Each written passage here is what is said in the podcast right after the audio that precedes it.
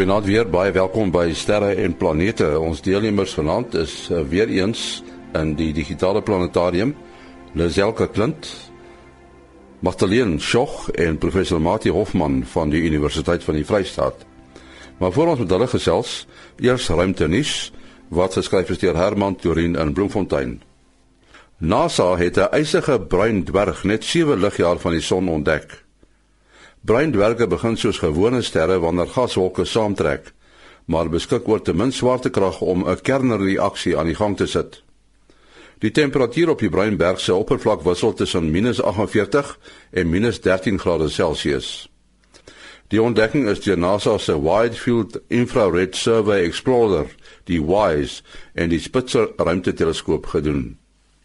Wetenskaplikes hoop om veel te wete te kom oor die evolusie van gravitasiewolke wanneer 'n gaswolk deur die gravitasiewolk in die middel van die Melkweg verslind word. Die gaswolk en sy naderende aantog na sy einde is die eerste keer in 2011 ontdek en word sedertdien dopgehou. NASA het voorstelle gevra oor hoe die internasionale ruimtestasie kommersieel beter benut kan word. NASA wil deur die kommersialisering van ruimteaktiwiteite wat naby die aarde wentel, sy hande losser kry om sy aktiwiteite na die diepruim uit te brei. Tot sover ruimtenis wat geskryf is deur Herman Turin in Bloemfontein. Ons praat nou weer met ons uh, sonkykman in Florida, Amerika, Kobus Olkers. Watter uitwerking het die uh, son op ons ozon laag, uh, Kobus? Goeienaand en goeienaand luisteraars. Ja, dit is die beste vraag wat ek in 'n lang tyd gehoor het. Ehm um, die son het 'n baie baie groot uitwerking op die ozon. Die luisteraars sal onthou hier in die laat 90's het die mense hoog en laag gesweer dis die die CFC's uh, die komplekse koolstoffluoro uh, koolstof uh, verbindings wat nou uit die yskaste en die lugversorging gekom het. Ehm um, maar dit was so 'n bietjie van 'n van 'n vals uh, uh soos jy Engels sê redenering geweest. Wat die son is die hoe dit gebeur dat die son die ozonlaag gegaaitjie maak is die volgende. Die aarde het 'n magneetveld om hom, net soos wat ons sou kan onthou uit ons skool daar uit. Het mens nou 'n staafmagneet en as jy hom nou op uh onder 'n tafel sou en jy sprinkel 'n klomp magneet uh ystervesels daarop, dan kry jy mos nou so so 'n patroon van die noordpool na die suidpool van die magneet. Nou die aarde se lyk presies net so, hy's net baie baie groter. Nou hoe dit werk is die effektiewe noordpool en suidpool van die van die aarde is eintlik so 'n hele klomp uh 1000 km eintlik onder die oppervlakte van die aarde. So wat nou gebeur is hierdie veldlyne wat wat wat so van die noordpool af nou omhardloop uh sien nou as ons nou bo begin by die noordpool, dan begin dit nou onder die aarde, dan gaan dit op uh in die ruimte in, hardloop dit reg rondom die pole ver van die aarde af en dan kom hy weer terug uh by die suidpool in. En waar hierdie veldlyne die aarde se oppervlakte sny in die ruimte bo kan die aarde se oppervlakte. Daar is die konsentrasie van magnetiese veldlyne baie hoog. Dit is nou die eerste speler in on, in ons drama. Die volgende speler in ons drama is die son met sy sonwind en met uitbarstings. As ons nou kry dat die sonwind stuur vir ons 'n klomp gelaaide partikels wat my eintlik niks anders is as 'n vorm van radioaktiwiteit nie, dan kom dit nou al die pad hier van die son af 8 ligminute ver uh teen die spoed van lig en teen die spoed wat die sonwind waai, vat dit so 3 dae dan kom hierdie goed nou in en dan kry jy nou die positiewe partikels en negatiewe partikels. Hulle volg nou veldlyne want dit is wat van die wat die basiese wette van magnetisme sê is 'n geleide partikel moet op 'n veldlyn afhardloop. Goed, nou kom hierdie partikels met die veldlyne aan. Hulle kry hierdie veldlyne bo kan die aarde en hulle sien, ooh, hier, hier gaan 'n klomp van hulle nou mooi bymekaar eh, mooi gekonsentreer. So hulle volg nou hierdie veld veldlyne al hierdie partikels en hulle tref die die aarde se atmosfeer in hierdie ring bo kan die pole waar die veldlyne nou die die aarde se oppervlakte sny. Daar waar hierdie ringe die aarde se uh, se oppervlakte sny, noem ons die ou aurorale ovale. In Engels die auroral ovals. En dit is waar ons dan natuurlik ook al die aurora sien. Maar die ding wat jy nou net vir my gevra het is wat hoe maak dit die ozonlaag en uh, of hoe beskadig dit die ozonlaag? Hierdie partikels kom nou met 'n vreeslike spoed en met baie lading in, vlieg hier in uh bo kan die aurora uh, ovale en dit breek die ozonlaag af veral in die suidpool want dit is nou die die uh spesifieke geleide partikels wat daar inkom en dan het ons nou nog 'n derde speler in ons drama en dit is die suid-Atlantiese anomalie. En dit is nou 'n plek hier tussen Suid-Afrika en Brasilië wat eintlik 'n bietjie nader aan Brasilië is waar die, daar eintlik nou besig is om al 'n noordpool sy kop te begin stadig aan te begin uitsteek. Daar kry ons ook nou 'n versterking van magneetlyne en hierdie klompie kom daar bymekaar. Hulle uh die geleide partikels uh kom baie naby aan die aarde se se se atmosfeer, breek die ozon af en dit is presies as 'n mens nou gaan kyk as jy hierdie aurora ovale gaan meet met ons satelliete wat ons elke paar sekondes doen uit die ruimte uit, kan jy presies sien waar sit hierdie ovale waar die plekke is waar die ehm um, wat die wat die ergste getref word deur die sonwind. En heel toevallig as jy nou die die ehm um, 'n kaart gaan teken van waar die ozon laag afgebreek word, pas dit soos 'n legkaart presies bo op hierdie aurora ovale. En dus is dit die son en die sonwind wat die wat die ozon afbreek en wat vir ons ons verswakking in 'n ozon gee en dit is hoekom jy uh in Kaapstad vir halfuur kan uitgaan. Ek was nou so ruk gelede daar in, in Kaapstad gewees as ek langer as 'n halfuur hier teen 2 in die middag buite op die strand is dan brand ek bloedrooi en hier in Florida waar daar nie 'n verswakking in die ozonlaag is nie kan ek die hele dag buite in my tuin werk en ek kry geen vreeslike verbranding nie. Daar het ons nou presies 'n demonstrasie van hoe mense herhaalbare eksperiment met dieselfde lyf en dieselfde ehm uh, uh, tipe vel in twee plekke kan oefen en en jy kan sien wat die effek van die afbraak in die ozonlaag is. As hy en dit is Kobus Olkers wat die proefkonyn is. Kobus, jy besonderhede? Dit is uh, Kobus Olkers by gmail.com k o b u s o l c k e r s by gmail.com en uh, ek sien hy dan al weer gesels. Dan sê baie dankie Kobus Olkers daar in Florida. En nou soos ek gesê het, gesels ons weer met Lazelke Klint. Sy is 'n nagraadse student in is Sy is 'n nagraadse student in sterrekunde aan die Universiteit van die Vrystaat. Magdalene Schoch wat voorheen gewerk het by die planetarium in Kaapstad en dan professor Mati Hofman van die Universiteit van die Vrystaat. Uh, Mati, ek wil nou sommer met die deur in die huis val.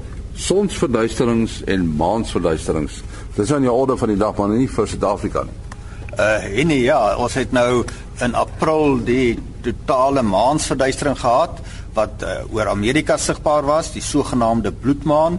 En dit is so 'n bietjie nuus gewees want daar's nou in die volgende 2 jaar nogal 'n hoë frekwensie totaal van 4 totale maansverduisterings waarvan nie een van uit Suid-Afrika sigbaar is nie.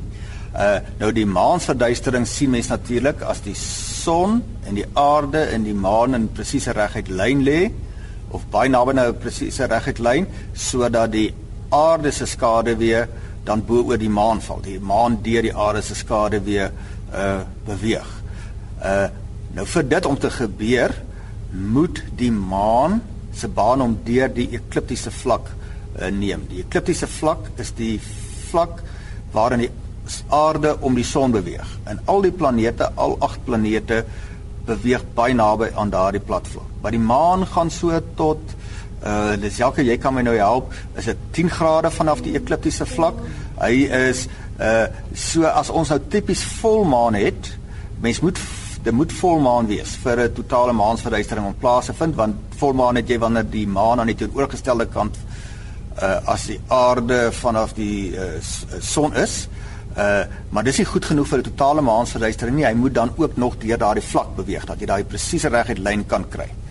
Nou as dit nou plaasvind, dan gaan jy ongeveer 2 weke later gaan die maan dan tussen die aarde en die son deur beweeg. Uh en dan kry jy 'n uh, uh, uh, situasie wat dan gunstig is vir 'n sonsverduistering. Nou sonsverduistering op die aarde is baie skaarser as om 'n waanswaarde verduistering waar te neem om 'n eenvoudige rede die skaduwee van die maan is baie kleiner uh op as jy nou uh op die gemiddeld werk die gemiddelde afstand wat die maan vanaf die aarde is is die grootte van die skaduwee 'n werklike skaduwee wat jy kan sien as hy jou sou uh, jou sou nader en jy staan op 'n koppie ehm uh, is was so 300 km groot. Hy kan bietjie kleiner wees hy kan 'n bietjie groter wees afhangende van die afstand dan tussen die aarde en die maan. Die maan se baan uh, neem hom tussen ongeveer 420 000 km van die aarde af en ongeveer 360 000 uh, km. So gegee dan daardie totale skaduwee van ongeveer 300 km, wat is die kans dan nou dat jy in jou lewenstyd sal kry dat daai skaduwee oor jou gaan beweeg? Hy beweeg teen as ek nou reg onthou nogal vinnig 1000 plus kilometer per uur. So hulle sê dis nog 'n bietjie vrees aan waar ja, as jy op 'n koppie staan en jy sien hierdie donker skare weer op jou afgepyl kom. Ehm um, maar daai kans is klein hè. Gewoonlik moet 'n mens kry mense so een of twee keer in jou lewe kans en dan moet jy maar 'n bietjie reis. Soos in 2002 toe eh, 'n uh, paar van ons die geleentheid gehad het om daar na die noorde van die land, die Messina area uh te reis en die totale verduistering uh te ervaar. En nou sou diegene van ons wat die voorreg gehad het kan sê mense het twee soorte mense op aarde, die wat hulle totale sonsverduistering beleef het en die wat dit nog nie beleef het nie. Hmm. Okay. Maar uh uh ons kry dan nou na die uh 15 April maansverduistering kry ons dan nou 2 weke later ongeveer kry ons dan nou die totale sonsverduistering, maar weer eens kan ons dit nie in Suid-Afrika sien nie. Die volgende geleentheid om 'n totale sonsverduistering in Suid-Afrika te sien en dan sal jy waarskynlik maar moet reis is 2020. Dit is met ander woorde oor so ongeveer 6 jaar en daarna eers 2030 en ek het nou al voorheen gesê dan beweeg die totale sonsverduistering deur die middel van die Vrystaat daar in die Kroonstad omgewing. So ons moet net vasbyt. Ek het besluit om nie te trek voor dan nie. Lazelke as 'n mens so 'n spesialiserende rigting uh, wat nou die sterrekunde betref. Uh bestaan die gevaar nie dat 'n mens van die ander goed vergeet wat in die sterrekunde gebeur? Ja, dit doen want wat Prof Martin nou gesê het was Grieks vir my. of nie heeltemal nie. Ek weet dan wat is maan en sonsverduistering, maar jy raak so gefokus in jou vel dat jy nie op hoogte bly van die ander velde nie. So dit is nog ons partykeer vrees aan jou en dis iemand vir jou vra of vra se loor jy swat sterk en dan wil jy jou vraag vra en dan weet jy o, gonna, hier kom nou 'n vraag wat ek jong moet ek gaan weet nie want dis nie my veld nie. So dit is ek sê baie keer maar soos medies, jy het jou chirurg, jy het jou hartspesialis, jy het jou GP Ons is ook so, jy het jou veld waarin jy fokus. Dis goed om nog steeds oor die ander dele op te lees, maar jy's nie 'n kenner daar nie. Ja. Maar dan jy het baie met kinders te doen. Hulle vra mos interessante vrae. Ja, ek dink as mens deur 'n 'n groep kinders gegaan het, veral as jy 'n paar knap kandidate in die groep het, eh, dan kan jy dalk 'n paar groot mense aanvat. Want hulle vra baie basiese vrae. Uh, uh, hulle vra byvoorbeeld vir my nou die ander dag, uh, wat is die snelheid van die aarde uh, om die son? En ek onthou, ek het dit iewers neergeskryf en ek het hier in my uh liaseerstelsel ingegaan en uh, onthou ek het geskryf 30 km per sekonde. Maar uh ek kry selfs so 'n vraag, maar kinders vra sulke intense vrae. Hmm. En uh, baie lekker om vir hulle te sê uitstekende vraag, maar kan jy nie beantwoord nie, maar ek sal uitvind. Ja. Ehm um, ja, en hulle waardeer dit nogal as jy sê ek weet nie, maar ek sal uitvind. Ja, dit is belangrik wat jy daar sê. Mens kan nie alles weet nie. Ek dink altyd as 'n ou sê hy weet alles, dan is daar iets kort. Ja, nee, verseker vir al in 'n veld so sterk en en en uh jy werk nou uh, gefokus in 'n baie klein veld relatief as mens spesialiseer. Maar as jy in die onderwys staan, dan werk jy breed, nê? Mm, jy jy mm. kry soveel verskillende vrae oor dinge. En uh ja, en die, die vrae wissel van diepte ook. Ja. En ja, ek moes 'n uh, hele klompie jaar terug uh, moes ek 'n lesing gaan gee. Uh dit was nog voor die tyd van die dataprojektors. Ons het nog met skyfie projektors ge, ge, uh, gewerk by Grey College vir die standaard 6 klas oor die sonnestelsel. Maar min het ek geweet dat in die tyd voor ek my lesing gegee het, het die onderwyser 'n werkstuk gegee vir die standaard 6e oor die maane wat mens in die sonnestelsel kry. Nou daar's vrek baie maande in die sonnestelsel. En ek dink daar was seker oh, naby aan 200 dan dit sesse. So op elke maan in die sonnestelsel was daar 'n paar spesialiste oor daai maan. Ek het nou maar die goed so in breë trekke geken. So dit was nou nogal 'n moeilike ervaring want daar die ongelooflikste vraag na vore ge, ge, gekom uh oor detail van die maane wat die wat die standesesse geweet het wat ek nie geweet het nie. En ek moes natuurlik nou maar my beeld moes probeer behou en dit was nie so maklik geweest nie. Dieselfde as as 'n mens nou met met hierdie vraagstukke van die ruimte te doen het.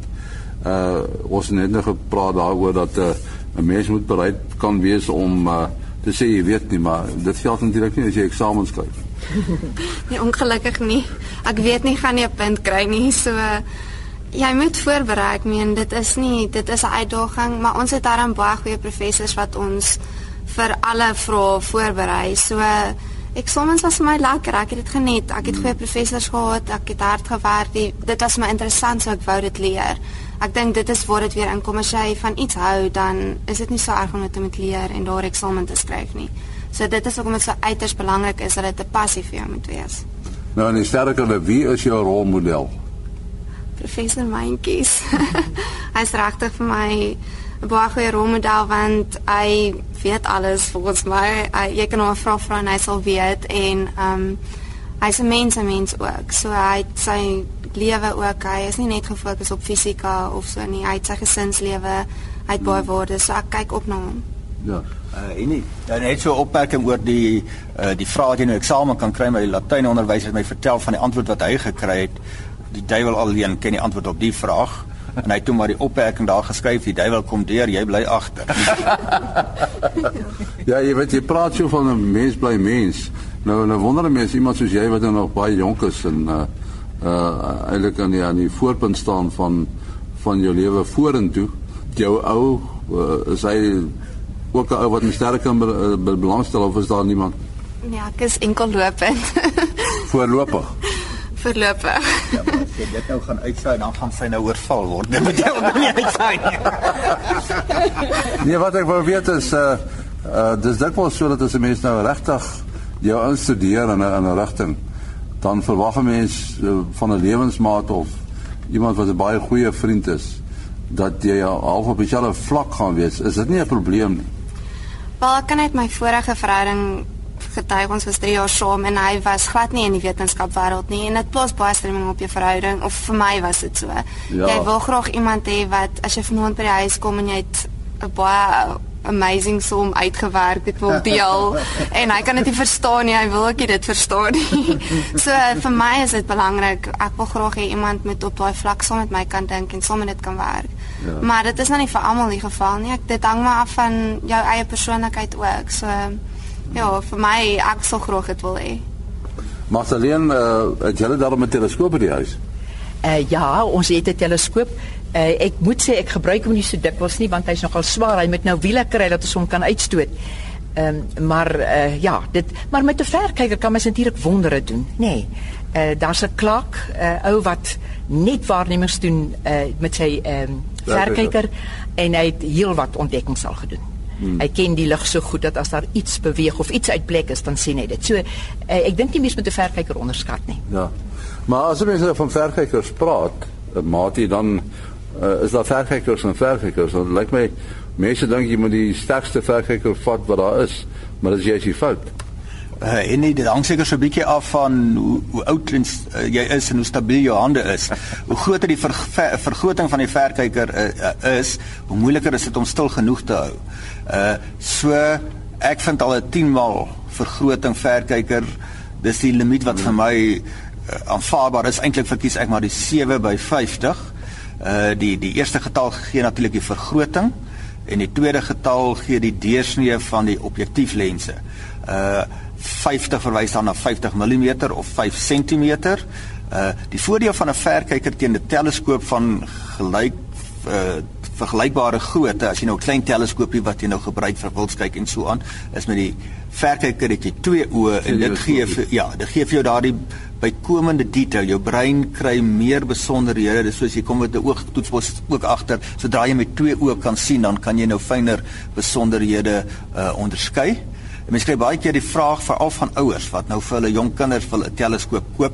Dan sal ek vir hulle sê man, 'n teleskoop wat goed genoeg is, gaan jou 'n paar duisend rand kos, Jy kan nou goedkoper wegkom maar dan is dit baie tipies 'n bewerige driepoot wat 'n frustrasie is. Begin by 'n verkyker en as hulle dit volhou en dit hulle belangstelling prikkel, dan vat jy die volgende stap en jy koop 'n paar duisend rand uh teleskoop en uh, uh dan sou 'n mens tipies ook aanbeveel moenie vir die die hoë tegnologie van aandrywingsmeganismes en rekenarisering gaan nie uh om die verskil tussen 'n teleskoop en 'n verkyker te gee is gaan oor die deursnee. Die deursnee van 'n teleskoop gaan nie net oor hoe dowwe voorwerpe jy kan sien nie, maar weens die aard van lig gaan dit ook hoe fyn besonderhede jy kan sien. Kom ons vat nou iets wat jy baie graag sou wil sien as jy nou jou eie verkyker uh kyk is uh om na bolvormige sterrehope te kyk. Nou bolvormige bolvormige sterrehoop is nou die een voorwerp wat ek nou die eerste keer in my lewe daarna kyk. Dit was hier op Nouveau Hill net hier buite waar ons nou in die in die planetarium sit. Uh met amateur sterrekundige. Ek onthou het van die Wetstop afgekom. Hy was 'n bekende boer daar met sy 8 duim uh of 20 cm deursnee Celestron teleskoop. En hy het hom op uh, Omega Centauri gerig en daar sien ek hierdie miljoensende spikkeltjies. Elke spikkeltjie is 'n ster. En daai bepaalde bolvormige sterre hoe bestaan blykbaar uit meer as 'n miljoen sterre. Maar as jy nou met 'n 6-duim teleskoop gaan kyk, gaan hy net 'n bol lig wees. So om daardie fyn spikkeltjies sigbaar te maak, het jy daardie ekstra 2 duim nodig. So mens moet eerder dan as jy nou 'n teleskoop wil koop, betaal jy vir daai bietjie ekstra deursnee en jy's tevrede met 'n basiese montering wat maklik werk.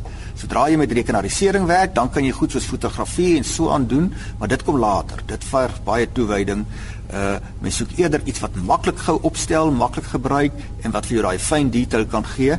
En uh wel, ek het so 'n paar momente in my lewe wat ek nou spesifiek kan onthou wat ek kan sê dit het 'n baie spesifieke impak gehad op besluite wat ek geneem het in watter rigting ek wil studeer.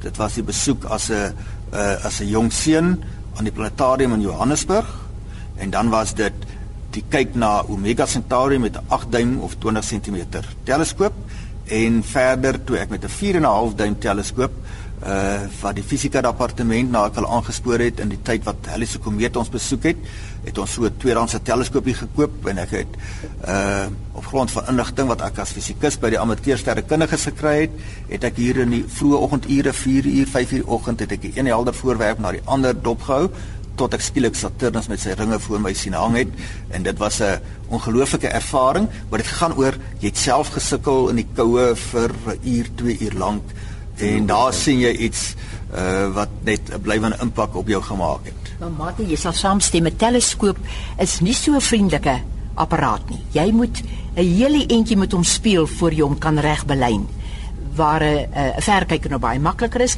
en ek dink ook mense moet nie die blote oog onderskat nie. Hmm. Met die blote oog kan jy baie waarneem. As jy baie gereeld kyk dat jy die lig later so goed ken dat as iets uitkyk as jy dit dadelik oplet. Ja. Die uh, Magdalena as ons nou van die blote oog praat, dan moet mense nou net die mense aanspoor as hulle nou weer op hulle lang vakansie gaan vat 'n halwegstasie op 'n donker plek by 'n gasteplaas, veral aan die Karoo, maar die hele platteland in Suid-Afrika, dit is net 'n ongelooflike verskil van wat jy in die stad sien en wat jy jy skrik amper as jy daar in die nag buite gaan en die Magellaanse wolke skree dit uit en so aan. Uh so dit is onvergelykbaar maar beter as wat ons uit die dorpe net stede sien. Bloemfontein is nie te sleg nie. Ons kan nog die Melkweg uit Bloemfontein uit sien. Gauteng en uh Kaapstad en Durban is nou bietjie anders net, dis groot stede. Uh so daar die die die die die mense in die diep plattelandse gebiede het nou daar 'n voordeel. Hulle het nou nie al die groot malls en so aan nie, maar hulle het hierdie ongelooflike donker sterrehemel. En as mense dit nie het nie, en jy sien dit dan besef jy wat jy mis nê as jy's van die natuur eh, eh, van 'n aspek van die natuur afgesny met die al die ligte om ons is elke uh, uh, in jou sterre loopbaan tot dusver wat was vir jou die grootste oomblik